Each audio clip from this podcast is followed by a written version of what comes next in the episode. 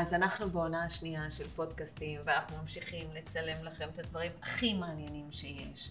והיום יש לי זכות ענקית להיות פה עם ערן סוויסה, שהוא כתב בידור של ישראל היום. ואני שמעתי מלא דברים מדהימים עליך. וואי, וואי. איי, לנשום אל כן, תעשי. בילדאפ. ברור, נכון? בוא נתחיל מלמטה למעלה, כאילו בוא נבנה את זה.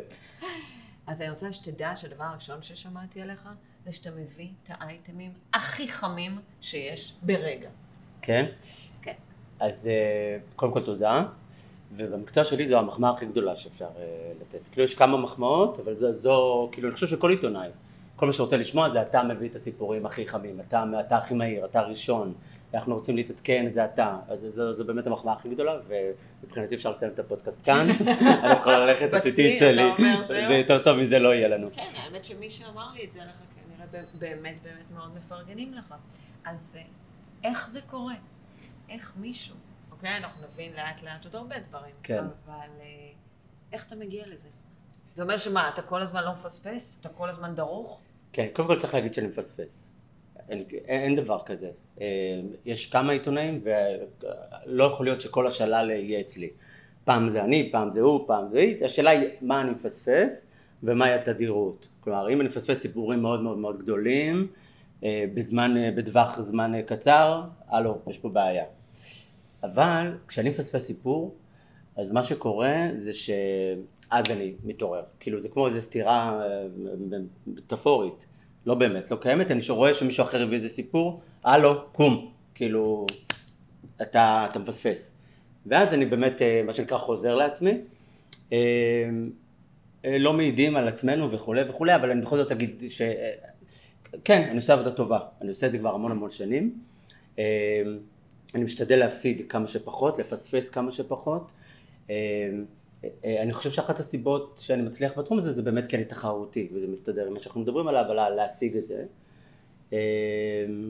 וזהו, אני עושה כל מה שאני יכול, בזמן הכי מהיר, זה ממש, אני כמעט 20 שנה עיתונאי, וזה בראש סדר העדיפויות שלי, כלומר, לא במקרה אין לי עדיין ילדים נגיד, לא במקרה, אז זהו, בוא נתחיל מכמה עובדות שלא קשורות רק לאייטמים. כן, בן כמה אתה, זה בסדר? אני בטח, אני בן 39, באפריל אני אהיה בן 40.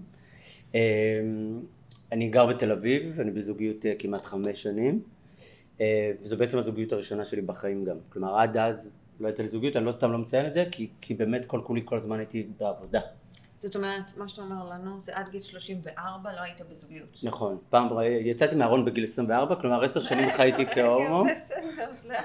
לא, רק עשר שנים הייתי אוקיי. פשוט, כלומר עשר שנים כהומו לא הייתי בזוגיות. אוקיי. אה, כי מה קורה עד גיל 24? אה, מה קורה? אני קודם כל הייתי, אה, גדלתי ביפו, ונולדתי ביפו וגדלתי בבת ים. כשהייתי בן שש, המשפחה שלי חזרה בתשובה. ואני בעצם גדלתי בשנים הראשונות כחרדי, ואז אה, כדתי לאומי. הצטרפתי לבני עקיבא, הייתי דתי שם אתה לאומי. גם בבת ים? בבת ים. אוקיי. בבת ים הייתי דתי לאומי, כזה עם כיפה כזאת פה, כזאת גדולה, בצבעים מתאימים לבגדים. רגע, אבל אני לא, אני לא מספיק פשוט מבינה בזה, זה אומר מה, בית ספר רק של בנים? כן, בשלב הראשון, ב- בסוף עברתי לתיכון, אבל בשנים הראשונות הייתי בשלוש שנים בישיבה רק של אה, בנים. אז מה, ילד בגיל 6, פתאום אומרים לו, חוזרים בתשובה? אה, לא, אז ככה, בגיל 6 אומרים לי חוזרים בתשובה, אני עדיין בבית ספר חילוני.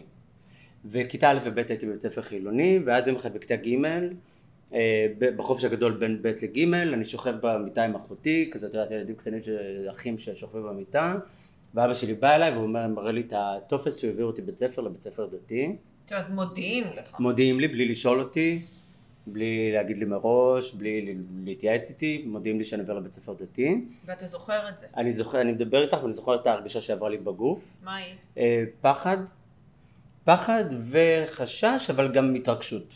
כלומר, אה, היום בדיעבד אני יכול להגיד לך שזה, אה, יש לי הרבה טענות לאבא שלי, אבל הדבר ששינה לי את החיים זה, זה המהלך הזה, במובן ששינה החיובי. לטובה? לגמרי. הוא ש... זה המהלך הזה שינה לי את החיים. הבחירה הזאת, ההחלטה הזאת, להעביר אותי בית ספר, שינתה לי את החיים ואני אסביר לך למה. כי בכיתה ג' אני עובר לבית ספר ממלכתי דתי, שזה אה, בנים ובנות, ובכיתה ו' אני פוגש את מי שיהפוך להיות החבר הכי טוב שלי. פוגש אותו בבית ספר, והוא בעצם הבן אדם שמשנה לי את החיים. וואו, איזה יופי של הסתכלות, אה? כן, ככה, אני ממש ככה מסתכל על זה. הוא ממש- ממש הבן אדם ששינה לי את החיים, הוא היה החבר הכי טוב שלי מבחינתי, הוא עדיין, אנחנו עדיין בקשר כאן ועדיין עדיין חברים, אבל הוא אה, פתח לי את הראש והוא לימד אותי וממנו, הכל הוא, כל מה שהורים אמורים לתת, אה, חינוך ואוצר מילים, ונגיד בבית היו חרדים, אז לא יכולתי לראות טלוויזיה בבית, ואסור היה לי לשמוע מוזיקה לא לועזית. יכולת כי לא הייתה. אסור, שכן, או- אוקיי. אסור, אבא שלי היה חרדי, אני כבר הייתי דתי לאומי, כלומר כיפה סרוגה, ואבא שלי היה כיפה שחורה, ולא הייתה טלוויזיה בבית, ואסור לשמוע מוזיקה לועזית, ואסור לקרוא עיתון, ואסור זה. אז כל העולם הזה שהיה חסר לי, החסך הזה, קיבלתי אצל החבר הזה, קוראים לו שלומי. רגע, חכה. כן. אני אגיד לך למה אני אומרת רגע, חכה. כן. כי אני מקשיבה לך. ואני אומרת, זה מדהים בעיניי, ואני אסביר לך גם מה מדהים בעיניי. כי הרי בסוף החיים זה הפרשנות שלנו לדברים. כן, וזה מטורף, כי בעצם אתה בא ואומר, יכולתי את אותו רגע, שאני זוכר אותו כאילו זה אתמול, שאני ואחותי שוכבים, ואבא שלי בא ומודיע לנו, לא שואל בא לכם, לא בא לכם, מראה שהוא העביר אותנו, יכולתי שהרגע הזה יהיה חרוט לי כטראומה. נכון, אני רוצה שתשמע את זה, נכון, כי מלא מאיתנו עוברים דרך השלבים האלה. ואתה אומר, ולמרות זאת, יש בי את היכולת, אני רוצה שתדע שזה וואו, כן. לבוא ולהגיד, אלמלא זה, איקס לא היה קורה. נכון, ו- ו- ולספר את הסיפור באופן, אני אגיד שהוא לא נגדך, שהוא לא מחליש אותך. עכשיו, זה כנראה הולך להיות מאוד רלוונטי לכל הדרך שלך, אבל אני כן רוצה שישמעו את זה כיכולת של בני אדם, לתת פרשנות. אחרת, גורמת לאנרגיה שלהם להשתנות לגמרי, ואנשים את זה לא מבינים. אה, נכון, ואני גם יכול להגיד לך שהפרשנות הזאת היא לא רק פרשנות, היא כאילו, בחרתי להסתכל על זה ככה, כי היו לי שנים מאוד טובות שם, כלומר, כל השנים אחר כך, גם בבית ספר הזה, פגשתי שם מורה ששינתה לי את החיים, עד היום אני בקשר איתה. מורה שבאמת ראתה אותי וטיפחה אותי וזיהתה אותי, ולדעתי גם זיהתה שאני הומו, ולא יכלה להגיד את זה מפורשות. אה, אז, והכרתי את שלומי, שבאמת, איתו... אז מי זה שלומי? אז שלומי, אוקיי. שלומי היה החבר הכי טוב שלי בילדות, החבר הכי טוב הראשון. אה, בכיתה ו'. הכרנו בכיתה ו', שנינו איחרנו לבית כנסת, לתפילה. אה, הוא למד בו' שלוש, אני בו' אחת, הוא בו' היותר דתיים, אני בו' הפחות דתיים. ואיחרנו לתפילה, וכדי להיכנס בלי שירשמו אותנו, תמיד היינו מתכופפים למטה, כאילו, וזה, ואז ברגע שכולם נעמדים, ישר בורחים כזה ונכנסים. ושנינו איחרנו ושנינו התכופפנו. ואז אני אומר לו, איך קוראים לך? הוא אומר לי, שלום, אני רן, אני בו' אחת, והתחלנו לדבר. ונהיינו חברים. הוא היה... הוא היה מאוד מקובל בכיתה שלו, אני הייתי מאוד מקובל בכיתה שלי, ופתאום כששני המקובלים נהיו חברים, אז כזה, פתאום שתי הכיתות כזה נסחפו אחת עם השנייה כזה וזה. והוא באמת, אני לא, לא יודע, הוא פתח לי אופקים, הוא לימד אותי, אני זוכר, הייתי מקשיב לו מדבר, והייתי... מגיע שלב מסוים שהולכים לישון אצל חבר, אז הלכתי לישון אצלו והוא סיפר לי כל הלילה מה קורה ב-1500 פרקים של אה, צעירים חסרי מנוח. אוקיי, 1500 פרקים הוא סיפר לי מה קורה, האמת, מספיק פרק אחד. זה- וכדי שלמחרת נחזור, נתחיל לראות ביחד ושאני אבין על מה מדברים. וזה מה שהיה. ואירוויזיונים ראיתי אצלו, כי אצלי בבית אי אפשר, ו... אבל איך ההורים נגיד עם זה? זאת אומרת, שלי? אתה מדבר, כן. תראי, קודם כל צריך לעשות חלוקה אצל ההורים שלי. אבא שלי היה אה, אה, חרדי, אה, פרימיטיבי מאוד, חוזר בתשובה כזה שיודע הכל, שגילה את האור מה וזה שקורה וזה. הרבה פעמים, נכון. נכון? בהתחלה. אוקיי. נכון, היום הוא קצת נרגע, אבל אה, אז לצערי לא.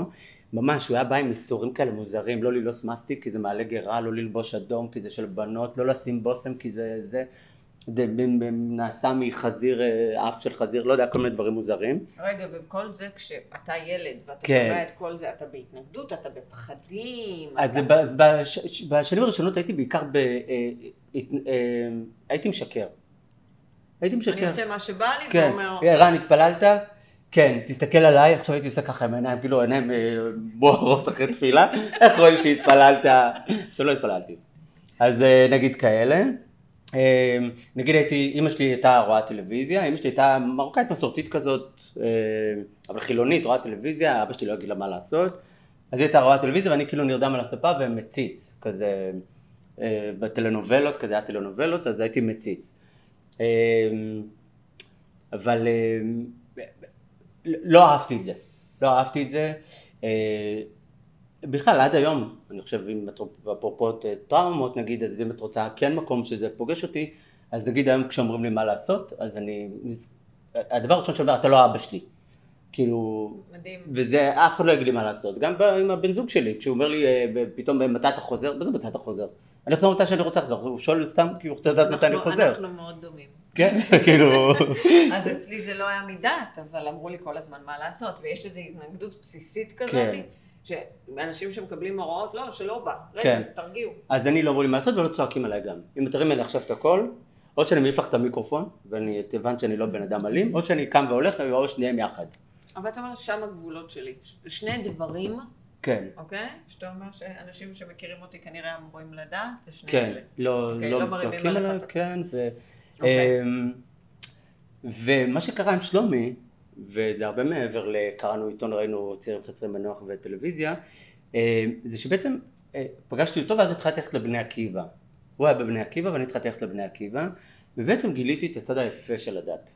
ואז התחלתי להתפלל ולהאמין ולשמור מצוות וללכת עם ציצית וזה. מרצונך. מ- מרצוני ומהבנה למה אני עושה, מה אני עושה, באיזה דרך יפה אני עושה את זה, השילוב הזה, שבני עקיבא זה תף עין, זה תורה ועבודה, השילוב הזה של תורה ועבודה, שזה יכול ללכת ביחד ולא בצורה פנאטית ואינפנטילית ופרימיטיבית, שלא מתאימה הרבה פעמים לעולם של היום, נכון? של ואתה- היום ואז, ואז בכלל זה כאילו, אני גם, מה שקרה בבית זה שאבא שלי חזר בתשובה, אמא שלי זאת אמא שלי תעשה מה שהיא רוצה, ואחותי כבר הייתה גדולה, אז כאילו הכל נפל עליי.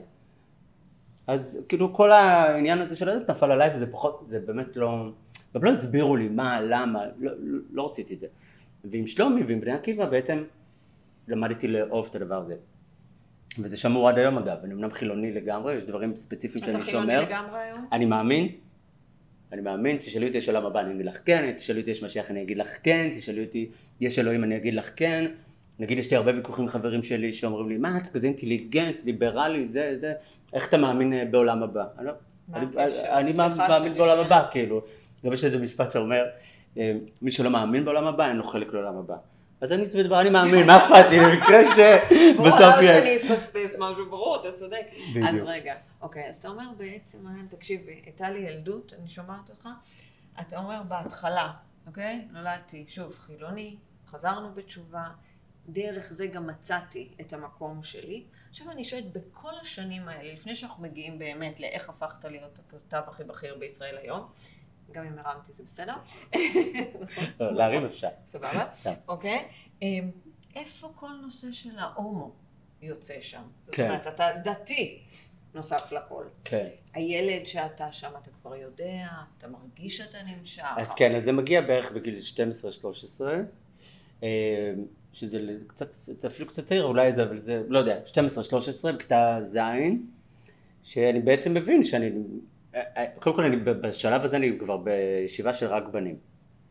וישיבה של רק בנים, דתיים ככל שיהיו, תמיד הנושא הזה עולה. כאילו, גברים בגיל ההתבגרות, שביחד. ו... הנושא הזה עולה בין... הוא בין- לא עולה, הוא בין- עולה ביני לבין עצמי. אה, אוקיי. ביני לבין עצמי, שאני מבין שאני, אה, סליחה, לה, אני לא יודע איך להגיד את זה בעדינות בלי להבריח את הצופים שלנו, אבל אה, נגיד ש, שאני מאונן, ואני... ברור אה, שהם רוצים להישאר. כן, עכשיו כולם מצטרפים, תצטרפו. לא, אז אני, אז אני חושב על גברים.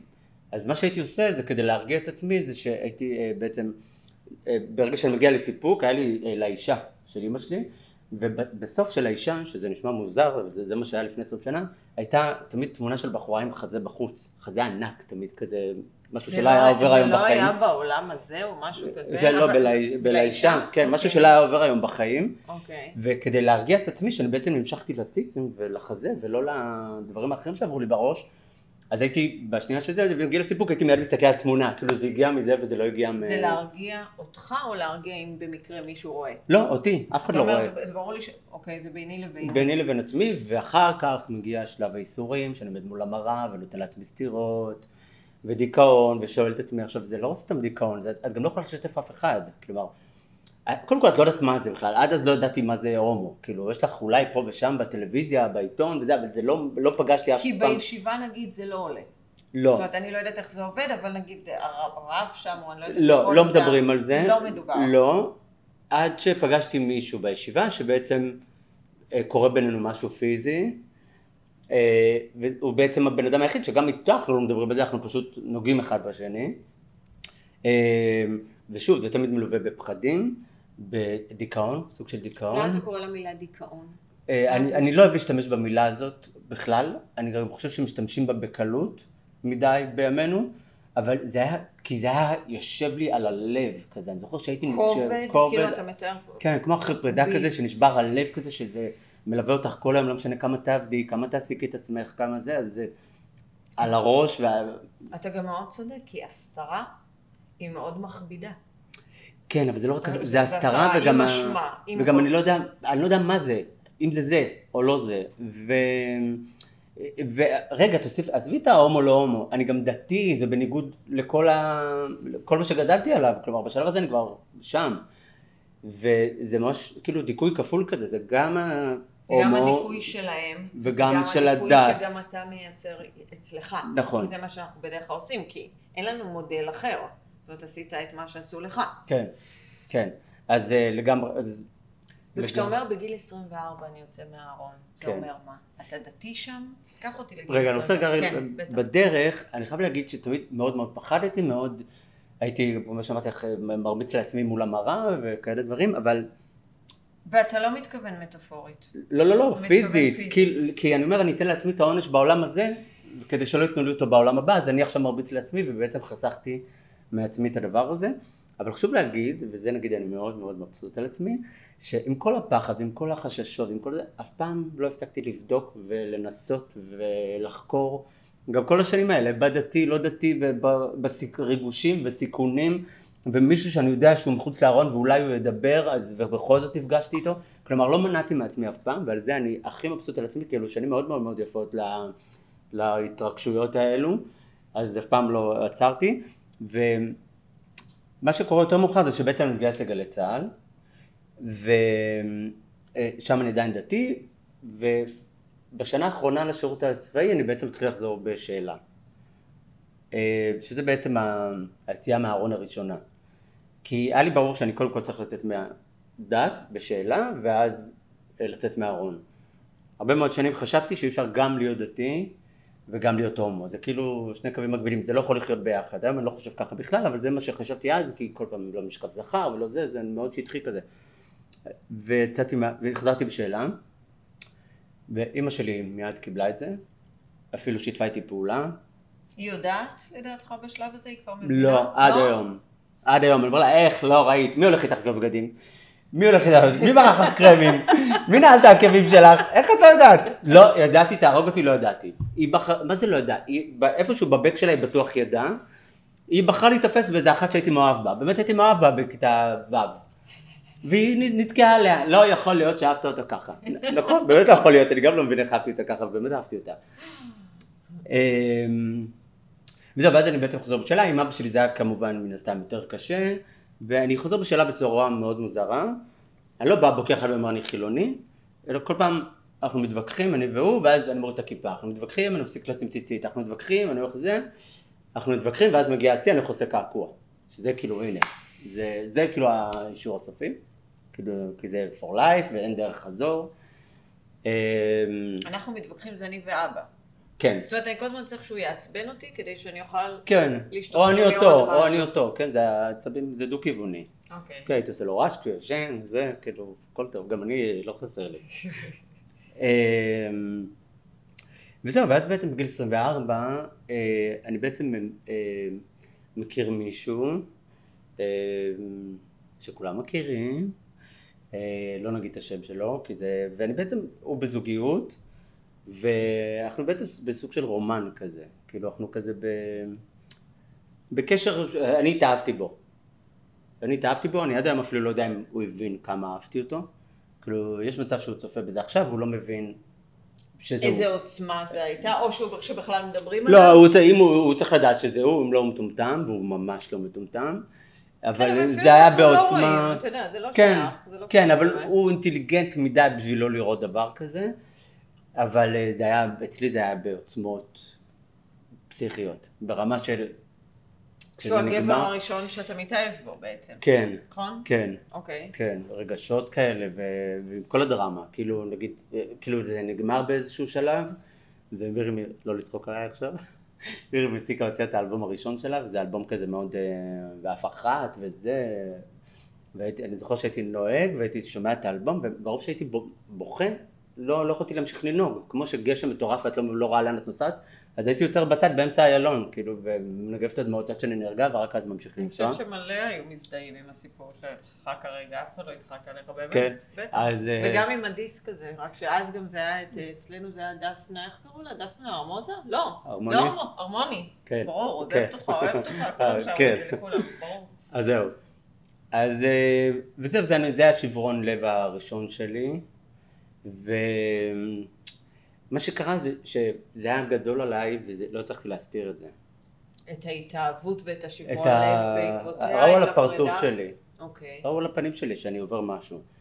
ואז אחותי כתבה לי אימייל, אה, אז היינו מתכתבים במיילים. אה, זה לא פייר אה, שאתה לא מספר לי ואני רואה שעובר עליך משהו ואני מספרת לך הכל ואתה לא מספר לי וזה וזה ואני אקבל אותך כמו שאתה. זהו, מושיטים לי פה עזרה, כאילו, תתפוס אותה, ובאמת הייתי חייב עזרה, כי את לא יכולה, כאילו יש איזשהו לימיט לכמה בן אדם יכול לחיות בשקר, בסוד, בטח בן אדם כמוני ש... בסבל גם. בסבל, אין- אי אי אפשר לשתף אף אחד, זה לא נורמלי, כאילו לעבור כאלה דברים לבד. ואז אז, אה, כתבתי לה, אה, אני לא נמשך לבחורות, לא אמרתי אני הומו. אני לא נמשך לבחורות, אני לא זה, ואז היא, חיכיתי לתגובה, באמת כמו בסרטים, נו, נו, נו, מרפרש, מרפרש, מרפרש, ואז הגיע המייל שהיא כתבה, אה, אה, מה, מה זה השטויות האלה? אה, תגובה לא טובה, כאילו אין דבר כזה אצלנו, אני לא זוכר את הנוסח המדויק, אבל זה, זה היה קשה מאוד. טוב, לא להגיד לאף אחד, אנחנו עוד נדבר על זה, כזה. שוב פעם מכניסים אותי לארון בחזרה. וזהו, ואז מתחיל באמת הסיוט, כאילו תהליך של יציאה מהארון, אבל באמת הכי קשה שיכול להיות עם כל הסיפורים, קחי את כל הסיפורים של יציאה מהארון שאת שומעת, אני לא מדבר על מגזרים אחרים וזה, שהוא כולל הכל, שזה אה, טיפולי המרה, וטיפולים אצל פסיכולוג שבעצם אמור כאילו להחזיר אותי. טיפולי המרה זה כביכול שאתה אמור לחזור למוטב ולהיות כן, ש, סטרייט. כן, אני הולך לרב שעושה לי ממש טיפולי המרה, מצייר לי מגרש, הטובים והרעים, אתה רוצה להיות בטובים, אתה לא רוצה להיות ברעים. אתה זוכר נגיד? מה זה זוכר? אני כן? מדבר איתך וכואבת לי הבטן. בשלב מסוים הוא נותן לי לבלוע פתקים, הוא כותב דברים על פתקים ואני בולע פתקים. ועכשיו תשאלי, בחור כזה אינטליגנט כמוך זה, לא, אני ואחלה ממש זה, לא. לבלע פתקים, בולע פתקים ומאמין שזה עוזר לי. ואני לא עושה כלום גם, אני לא נפגש עם אף אחד ואני לא מאונן אפילו ואני לא כלום. החלק הזה של המיניות נעלם. ו... ופסיכולוג, והולכים לרופא שיביא לי כדורים אה, כאילו ש... לזקפה, אה, וזהו, תהליך ב... ובכל זה נגיד גם באים ואומרים נשדך לך את זאתי, נשדך לא. לך את זאתי, או ששם... לא, לפחות- לא. לא, לא, לא. זאת אומרת זה ברור לפחות אתה אומר. לא, כבר הייתי גם חילוני, אז כאילו אין, אין פה שידוכים, זה בכלל לא על הפרק, אבל כן אני, אני מאמין בעצמי גם שאני יכול לשנות את זה, וזה בעצם תקופה של כמעט שנה מהיום שאני יוצא מהארון, עד היום שאני מחליט שדי, שזו שנה נוראית, זו השנה הכי נוראית בחיים שלי אני חושב. אתה זוכר את הרגע הזה שאתה אומר סליחה כוס כן. אם כבר לא מעניין אותי כלום? כן, זהו? כן, אני מתקשר לאחותי ואני צורח, ואני מסביר זה מה יש, זה או, או, ש, או שאני חי ככה או שאני מתאבד. עכשיו אני אומר לך מתאבד, לא לוקח עכשיו ככותרת, חשבתי להתאבד, כאילו אין, לא הייתה אפשרות אחרת, אין, אני כבר לא יכול, יש, אין, אני כבר, זהו, אני בסוף שלי, או שאני יוצא וחי כפי שאני, או שאני מתאבד. כי אני לא יכול לשאת את זה כבר. כי מה יש ברגע הזה, שאתה, ברגע הזה, שאתה אומר די. אני לא זוכר את הרגע הזה, אני זוכר את השנה הזאת. כאילו, אני מדבר עליה איתך עכשיו, ואני מתנשף בקצב אחר גם. זה, זה, זה, זה, אין, זה שנה שהיא סיוט, שאני לא מאחל אותה. ומדהים שאתה גם מודע לזה, אוקיי? זה גם לא מובן מאליו. כן, אמ, אוקיי, אתה אומר, אני רק נזכר בזה, וכל הגוף שלי מיד נזכר פיזית בחוויה הזאת. כן, פיזית. אני עכשיו מזיע בגב, שאני לא מזיע בכלל, ואני מזיע כרגע בגב. אוקיי, ואתה אומר, זאת נקודת שבר שאני זוכר, שעושה שינוי. כן. כן, ובאמת, אה, אמא שלי, אחותי מיד מתקשרת לאמא שלי, והיא מעמידה אותה במקום, והיא אומרת לה, את רוצה את הילד שלך, או שאת לא רוצה את הילד שלך? את רוצה אותו בחיים הומו, או שאת, לא רוצה, שאת רוצה אותו בקבר? ואימא שלי אומרת, מספרת בעצמה שהיו רגעים שהייתה מעדיפה אותי בקבר, אותי ואותה בקבר, כלומר היא לא הייתה מוכנה לשמוע על הדבר הזה. ו- ואז בעצם יש לי כי שיחה אתה עם חושב אמא שלי. שזה, כי זה מה יגידו, בעיקר, או שלא. מה, הכל, זה מה יגידו, הוא ימות לבד, הוא ימות איזה, בלי אף אחד, מי ידאג לו, אה, סמים, איידס, אה, זה, זה מה שהם רואים, הם שומעים הומו, מה הם יודעים? נכון. אה, סליחה על זה, דופקים אותו. כאילו זה מה שהם מדמיינים. במסיבה על סמים עם איידס, ומת לבד. אוקיי. אמ, ואז בעצם יש לאמא שלי ולי שיחה, ואני בעצם אומר לה שמה שזה מה שזה, והיא אומרת לי שני דברים, תראה מה תל אביב עשתה לך, ואם מישהו ידע, אבא ירצח אותך. כלומר, שוב פעם, אוקיי, זה מה יש, תקבל, אבל עוד פעם תישאר בארון. ואני באותו רגע, בניגוד למה שעשיתי עד עכשיו, פשוט יצאתי, ולא, מה זה יצאתי? חוץ מלתלות אה, דגל על האוטו, עשיתי הכל. כאילו, יצאתי מהארון. זאת אומרת, למרות, רגע. מה זה למרות? למרות, לא, אני באה ואומרת, למרות כמויות של פחד היסטריות מהמם. שנמצאות בתוך התוכנה אצלך, אוקיי? אה, כי זה הוכנס לשם. זאת אומרת, גם בשיחה הזאת, שאני כבר לא יכול יותר, ושוב, היא מנסה לעשות את מה שהיא יודעת, כמובן לא כן. משום כוונה רעה, אבל היא מייצרת עוד פחד. כן. כי עכשיו אתה גם צריך לפחד שירצחו אותך, כן. ושמישהו ידע, כן. אוקיי? טוב, ולמרות זאת שם, אני אומר, לא אכפת לי יותר. כן, כי זה באמת היה להיות או לחדול. כי אם לא הייתי, אז הייתי בקבר, באמת. אז, אז מה אני מעדיף? אז אני מנסה לצאת לכל הכיוונים. כי גם ניסיתי הכל. לא באתי יום אחד, יצאתי מהארון, הלו, כולם תקבלו אותי, את תקבלי אותי, את תקבלי אותי, אתה תקבל אותי, זה מה יש. לא כזה. זה אולי היום הדור הצעיר קצת יותר כזה. אז לא, גם הבנתי את הכיף שלהם, הבנתי את הצער שלהם, הבנתי את החשש שלהם, הבנתי את מה יגידו, הבנתי הכל, ניסיתי גם, באמת ניסיתי, חשבתי ש... אני זוכר פעם ישבתי עם חבר ואמרתי לו, אם היה לי מיליון שקל, עכשיו אתה נותן לי כדור, מיליון שקל, אני עכשיו משלם את המיליון שקל. כדור שישנה אותי. היום תשלמי לי מיליון שקל, אני לא אקח את הכדור הזה. אין דבר אני כזה. מקווה. אין, עשרה מיליון. תקשיב, אני שומעת אותך, ואני מתלבטת איתך ואני שמה לך את מה שעולה לי. שומעת אותך ואני שואלת את עצמי, אם מה שיש אצלך בטירוף זה יצר הישרדות, וממנו אתה פועל, או מוטיבציה בלתי נגמרת. אני חושב, אני חושב שזה שניהם יחד. זה אוקיי. שני הדברים יחד. הישרדות, הישרדות זה משהו שמאוד אה, מנחה אותי היום, בגלל זה אני גם עובד. לאן אתה אומר היום? כל, כל הזמן. אוקיי. כל אני כל הזמן. הזמן שורד? כן, כל הזמן. אני יודע שאני לעצמי, אני גב לעצמי, גם מבחינה כלכלית, גם מבחינה מקצועית, אני לא יכול לסמוך על אף אחד, אני לא יכול להישען על אף אחד. אה, אני יודע, אה, גם בבית יש איזושהי תחושה כזאת שערן יסתדר. למי יש תחושה כזאת? לא- לאבא שלי נגיד. עד היום אתה מתכוון. כן. אוקיי. כן, נגיד, אה, כן, נגיד, הוא יסתדר, כאילו יש, לא אומרים את זה בקול. סומכים עליך. כן, הוא יסתדר. להפך, הוא גם יעזור לכולם בסוף. כאילו אם צריך משהו, אני האוזן, אני כל מה שצריך. אוקיי, אוקיי. אז, אז אני מבחינתי לעצמי, יש, יש בי את העניין של ההישרדות, והמוטיבציה זה, זה גם, זה ביצה ותרנגולת, כאילו ברגע שאתה רוצה לשרוד אתה גם, זה מביא את המוט- את המוטיבציה. זה מה שאני חושבת ביחד, עם הפחד הוא כל הזמן מנוע צמיחה אצלך. כי גם קודם אמרת, אם אני מפספס אייטם, זה, קור... זה קריאה להתעורר מהר בשבילי. כן. אוקיי? כי באת ואמרת, כשזה כבר קורה, אז אני חוזר לדברים, אני על הדברים, אז אני שואלת אם אתה נזקק לדעתך כן. לפחד הזה בשביל להניע אותך קדימה. כן, אז שאלה טובה, ואני חושב ש... אני חושב שאולי התשובה היא, עד, גיל, עד שלב מסוים היה לי את הפחד הזה, היום אני כבר לא בפחד. היום אני לא ב... אני יכול עכשיו להיות איתך, עכשיו כשאנחנו מדברים אני מפספס אייטם, בטוח. אוקיי, בטוח, אמיתי, לפחות אחד. כי אין דבר כזה שיותר מחצי שעה ולא קורה לי בחצי שעה. מה שאתה אומר, עצם זה שאני כאילו- לא עם הפלאפון, אוקיי, זה מהזמן הזה, מעכשיו ש... מה, כמה זמן שאנחנו מדברים. אוקיי, זה כאילו... אוקיי. אבל אני יודע שאין מה לעשות, אני עכשיו צריך להיות פה ואני צריך להיות איתך ואני זה, אין, אין את הפחד הזה כי קיבלתי כבר את הביטחון המקצועי שלי. אם יש משהו שאני בטוח בו, זה הביטחון המקצועי שלי, המקצועיות שלי. אז קודם כל, אה, בוא ניתן איזה טעימה אחת. מה הופך אותך להיות כל כך טוב במה שאתה? תחשוב שנייה, רגע, עוד אנשים שומעים. אוקיי?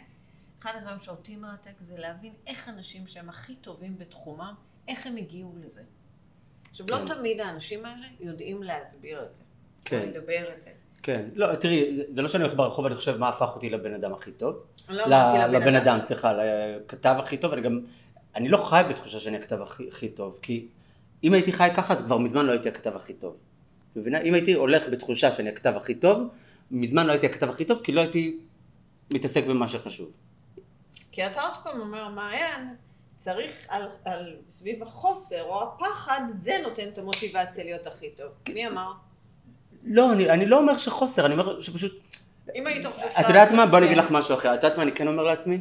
אני אומר לעצמי לפעמים, נגיד, וזה במיוחד צץ לי בהרצאות, כשאני מרצה, אז נגיד, כשאני אומר, אה, אה, אני הבן אדם היחיד, הכ- הבן אדם, לא הכתב, הבן אדם היחיד בישראל, כמה אנשים יש בישראל? עשרה מיליון נגיד, סתם, שמונה מיליון, עשרה, תשעה, היחיד בישראל שהוא כתב בפוזיציה הזאת, הרי יש עוד כתבים בתחום שלי וזה, אבל הם מחולקים, זה, זה, זה, זה, זה, זה, אני עושה גם את זה, גם את זה. בפוזיציה הזאת הכוונה היא שזה אומר בידור, רכילות, מוזיקה, טלוויזיה, מגזין, מדור יומי, כלומר אין עוד כתב במבנה הזה שלי, ואני אומר, אז לפעמים אני חושב על עצמי, יואו, כל כך הרבה אנשים במדינה ובסוף זה אני, כאילו, ואז, ואז גם אני הרבה פעמים חוזר אחורה, לילד הזה ביפו, לילד בבת ים, אני תמיד נזכר ברגע הזה שסיפרתי לך בבית כנסת שהתחבאנו, שלומי ואני, ואם לא הייתי פוגש את שלומי אז זה לא היה ככה, ו...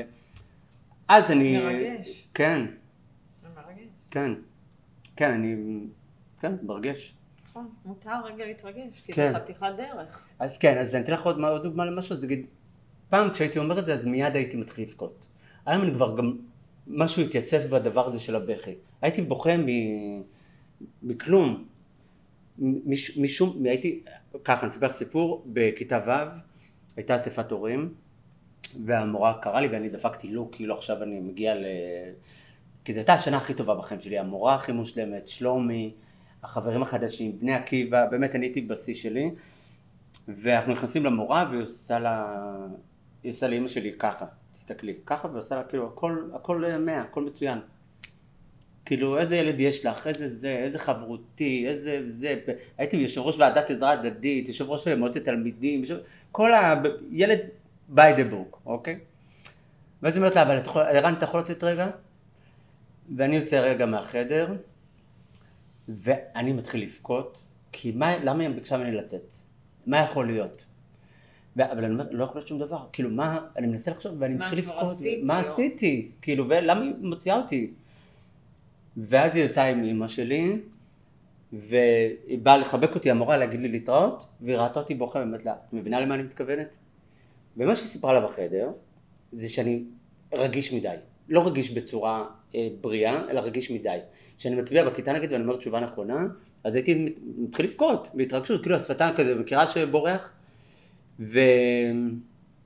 ובעיניי, היום סתם, זו כבר פרשנות שלי, אה, המורה ראתה שאני הומו, וזו הייתה הדרך שלה להגיד, לא כי הומו ורגיש זה הולך ביחד, אלא כי הייתי קצת מפוחד ומבוהל מהעולם, והייתי חבר רק של הבנות, והייתי...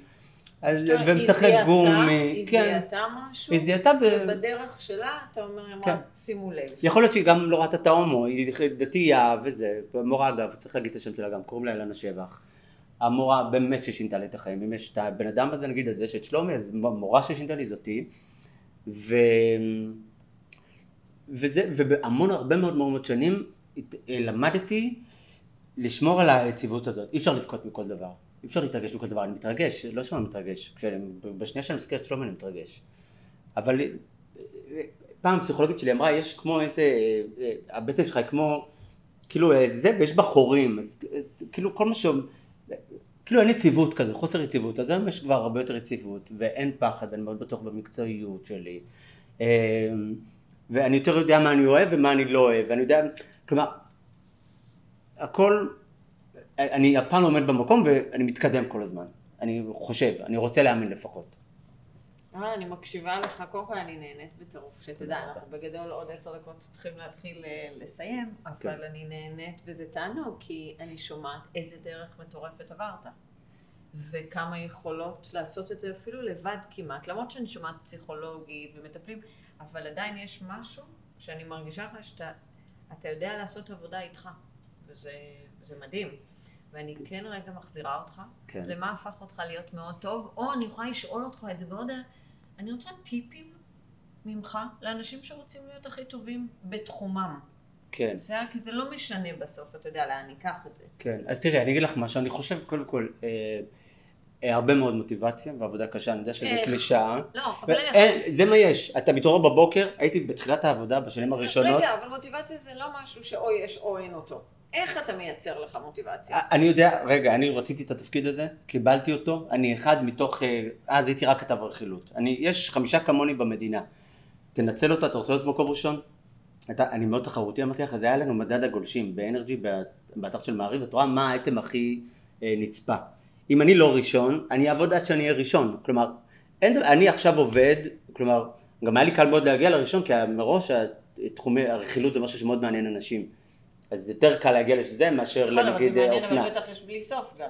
נכון, בסוף, אוקיי? נכון, אבל את צריכה להביא את הסיפור הטוב, את לא צריכה אה, להביא בלי סוף, את צריכה להביא את האחד הזה שעושה לך את היומית מה שנקרא, אז אני חושב מוטיבציה, אין לי הסבר איך למוטיבציה, אה, בי קיימת, אני רוצה מאוד להצליח, אני רוצה מאוד להתקדם, אני רוצה, זה, זה, אני חי את זה, הייתי קם בבוקר, הולך לעבודה, משם הולך למכון כושר, כמובן שהטלפון, אני לא, זה, הוא כאילו מודבק לי ליד בגדול, זה יד שלישית שלי, אה, משם הייתי הולך לאירוע ועוד אירוע ועוד אירוע ומהאירוע לברסרי, למה כולם יושבים בברסרי בזמנו, עד ארבע בבוקר עובר בין השולחנות, אוסף את כל האייטמים, בתשע בבוקר מגיע כבר לכתוב את האייטמים לפני שכולם מגיעים כבר שיהיו האייטמים ו- וכן הלאה.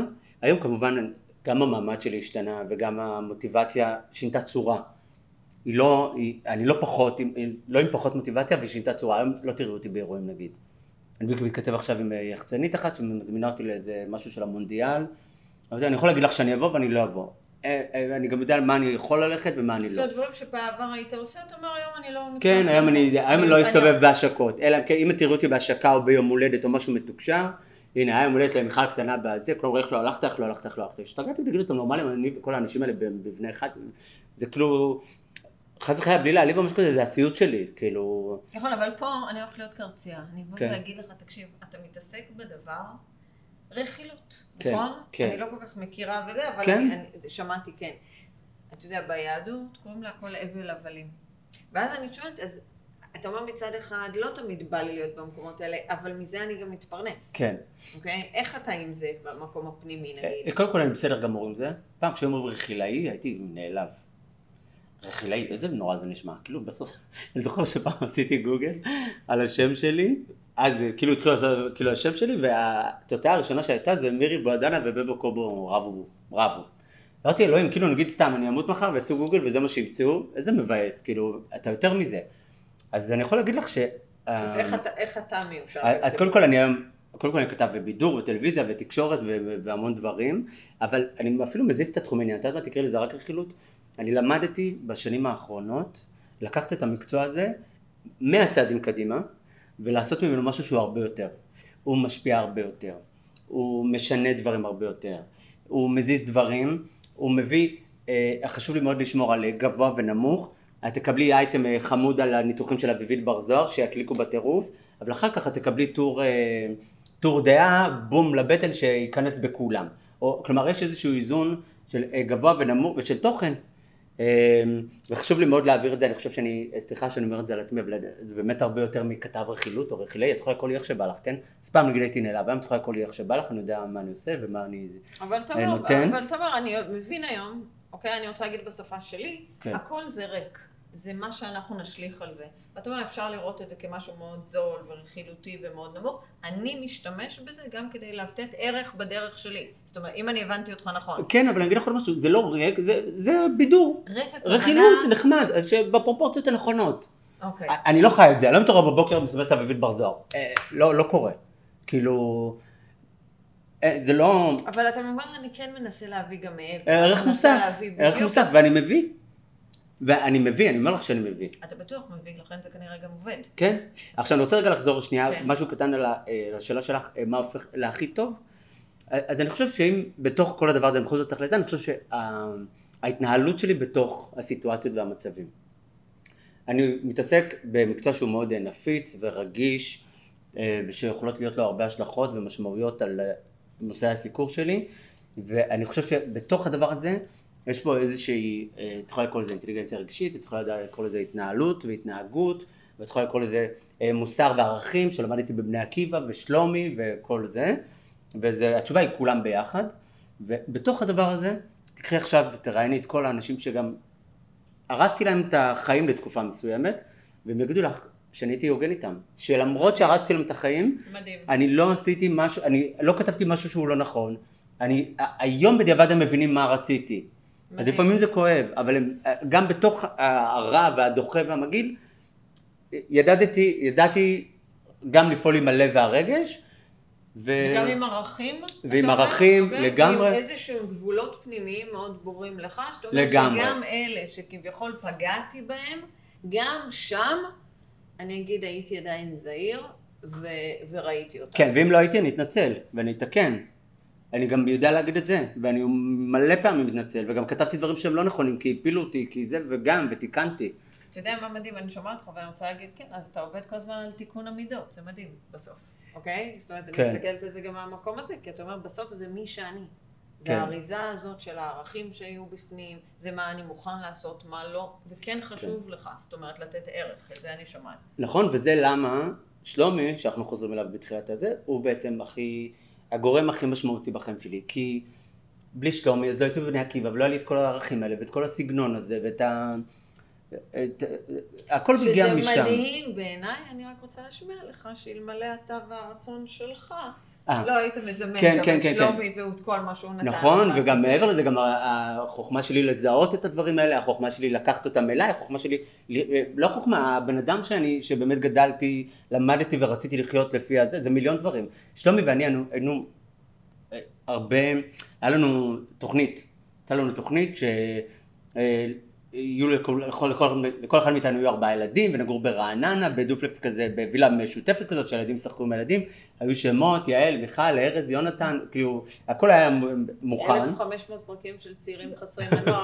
לא היו, לא, ברור. כזה, ומה שקרה זה שבאמת שלומי הלך לפי, לפי מה שתכננו בדיוק, סיים, סיים את הצבא, הוא היה לוחם גם בצבא, והוא היה, הוא סיים את הלימודים אה, במשפטים וכמובן בהצטיינות וזה, וארבעה ילדים, השבוע נולד החמישי, אמרתי לו שלומי, אבל אמרנו. ארבעה, כן, אז הוא הלך לפי הזה, ואני הלכתי לפי מה שאני מעז, ולפי מה שאני רוצה, ולפי מה שאני זה, אז את יכולה לקחת משקפיים שזה להגיד יואו, את יודעת, יכול לבוא מישהו בני עקיבא ולהגיד איזה מדהים זה, ויכול לבוא מישהו אחר ולבוא להגיד איזה מדהים זה.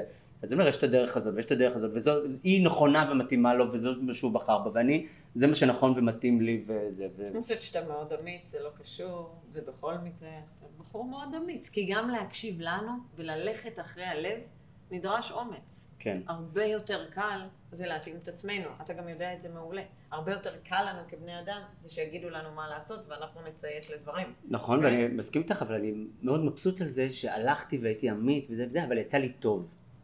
את מבינה? כי יצא לי, כי לפעמים את הולכת עם האמת ועם האמיץ ועם זה, ויוצא לא טוב בסוף. אז יצא טוב, אז לפחות אני גם בא לאמא שלי, אמא, את רואה? בבקשה. את לא דיברת איתי? בבקשה. אתה, אתה, לא בבקשה בקטע של אה, הנה, אבל איזה, כאילו, הנה הוכחתי לכם, היה לכם קשה, לא קיבלתם, לא זה, שלחתם אותי לפה, ושלחתם אותי... אתה בא בטוב. אז למה שלא יצא לך טוב? אני לא מחכה שתענה לי באמת, אבל אני רק רוצה להגיד, כן. אתה בא, אתה בוחר להסתכל על טוב.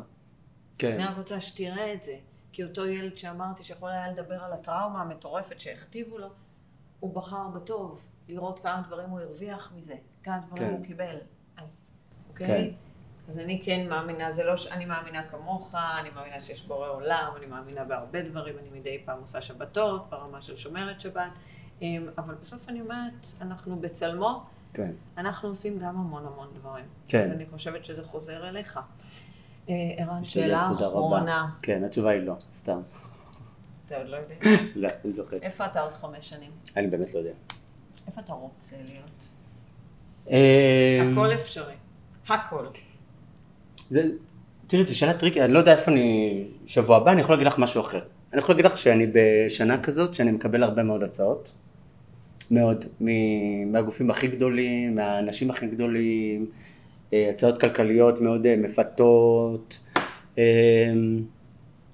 ואני לא יודע מה יהיה, אבל אני יודע שמשהו ישתנה, אני רוצה להאמין שיגדל, ואני רוצה להאמין שאני גם אהיה עם שני ילדים. אה, עם שני ילדים, וכן, אני מקווה, כן, זה מה שאני רוצה. אני חושב שזה יגדל, שזה יתרחב הסיפור הזה, מבחינה מקצועית. מבחינת משפחה, שני ילדים, זה נראה לי שתי בנות כדאי, בעלי שתי בנות, שיהיו לובשות מהמם. איזה אה, איכות יש לך עוד חמש שנים שהיא עוד לא מספיק מפותחת אצלך היום? איכות אחת, יכולת. אה, אני לא יודע איך לקרוא לזה כיכולת יזמות, כזה, אני לא, נגיד אני, ומה שאני וזה, אני יכול היום לעוף מיליון קדימה, כאילו נגיד אם הייתי נטלי, אז כאילו הייתי היום אימפריה, ב- במפיקה, באנרגיה, במוטיבציה וזה וזה, אז את מכירה, אה, כאילו, רגע, רגע, אז מה? אז אני רוצה את מה שיש לך?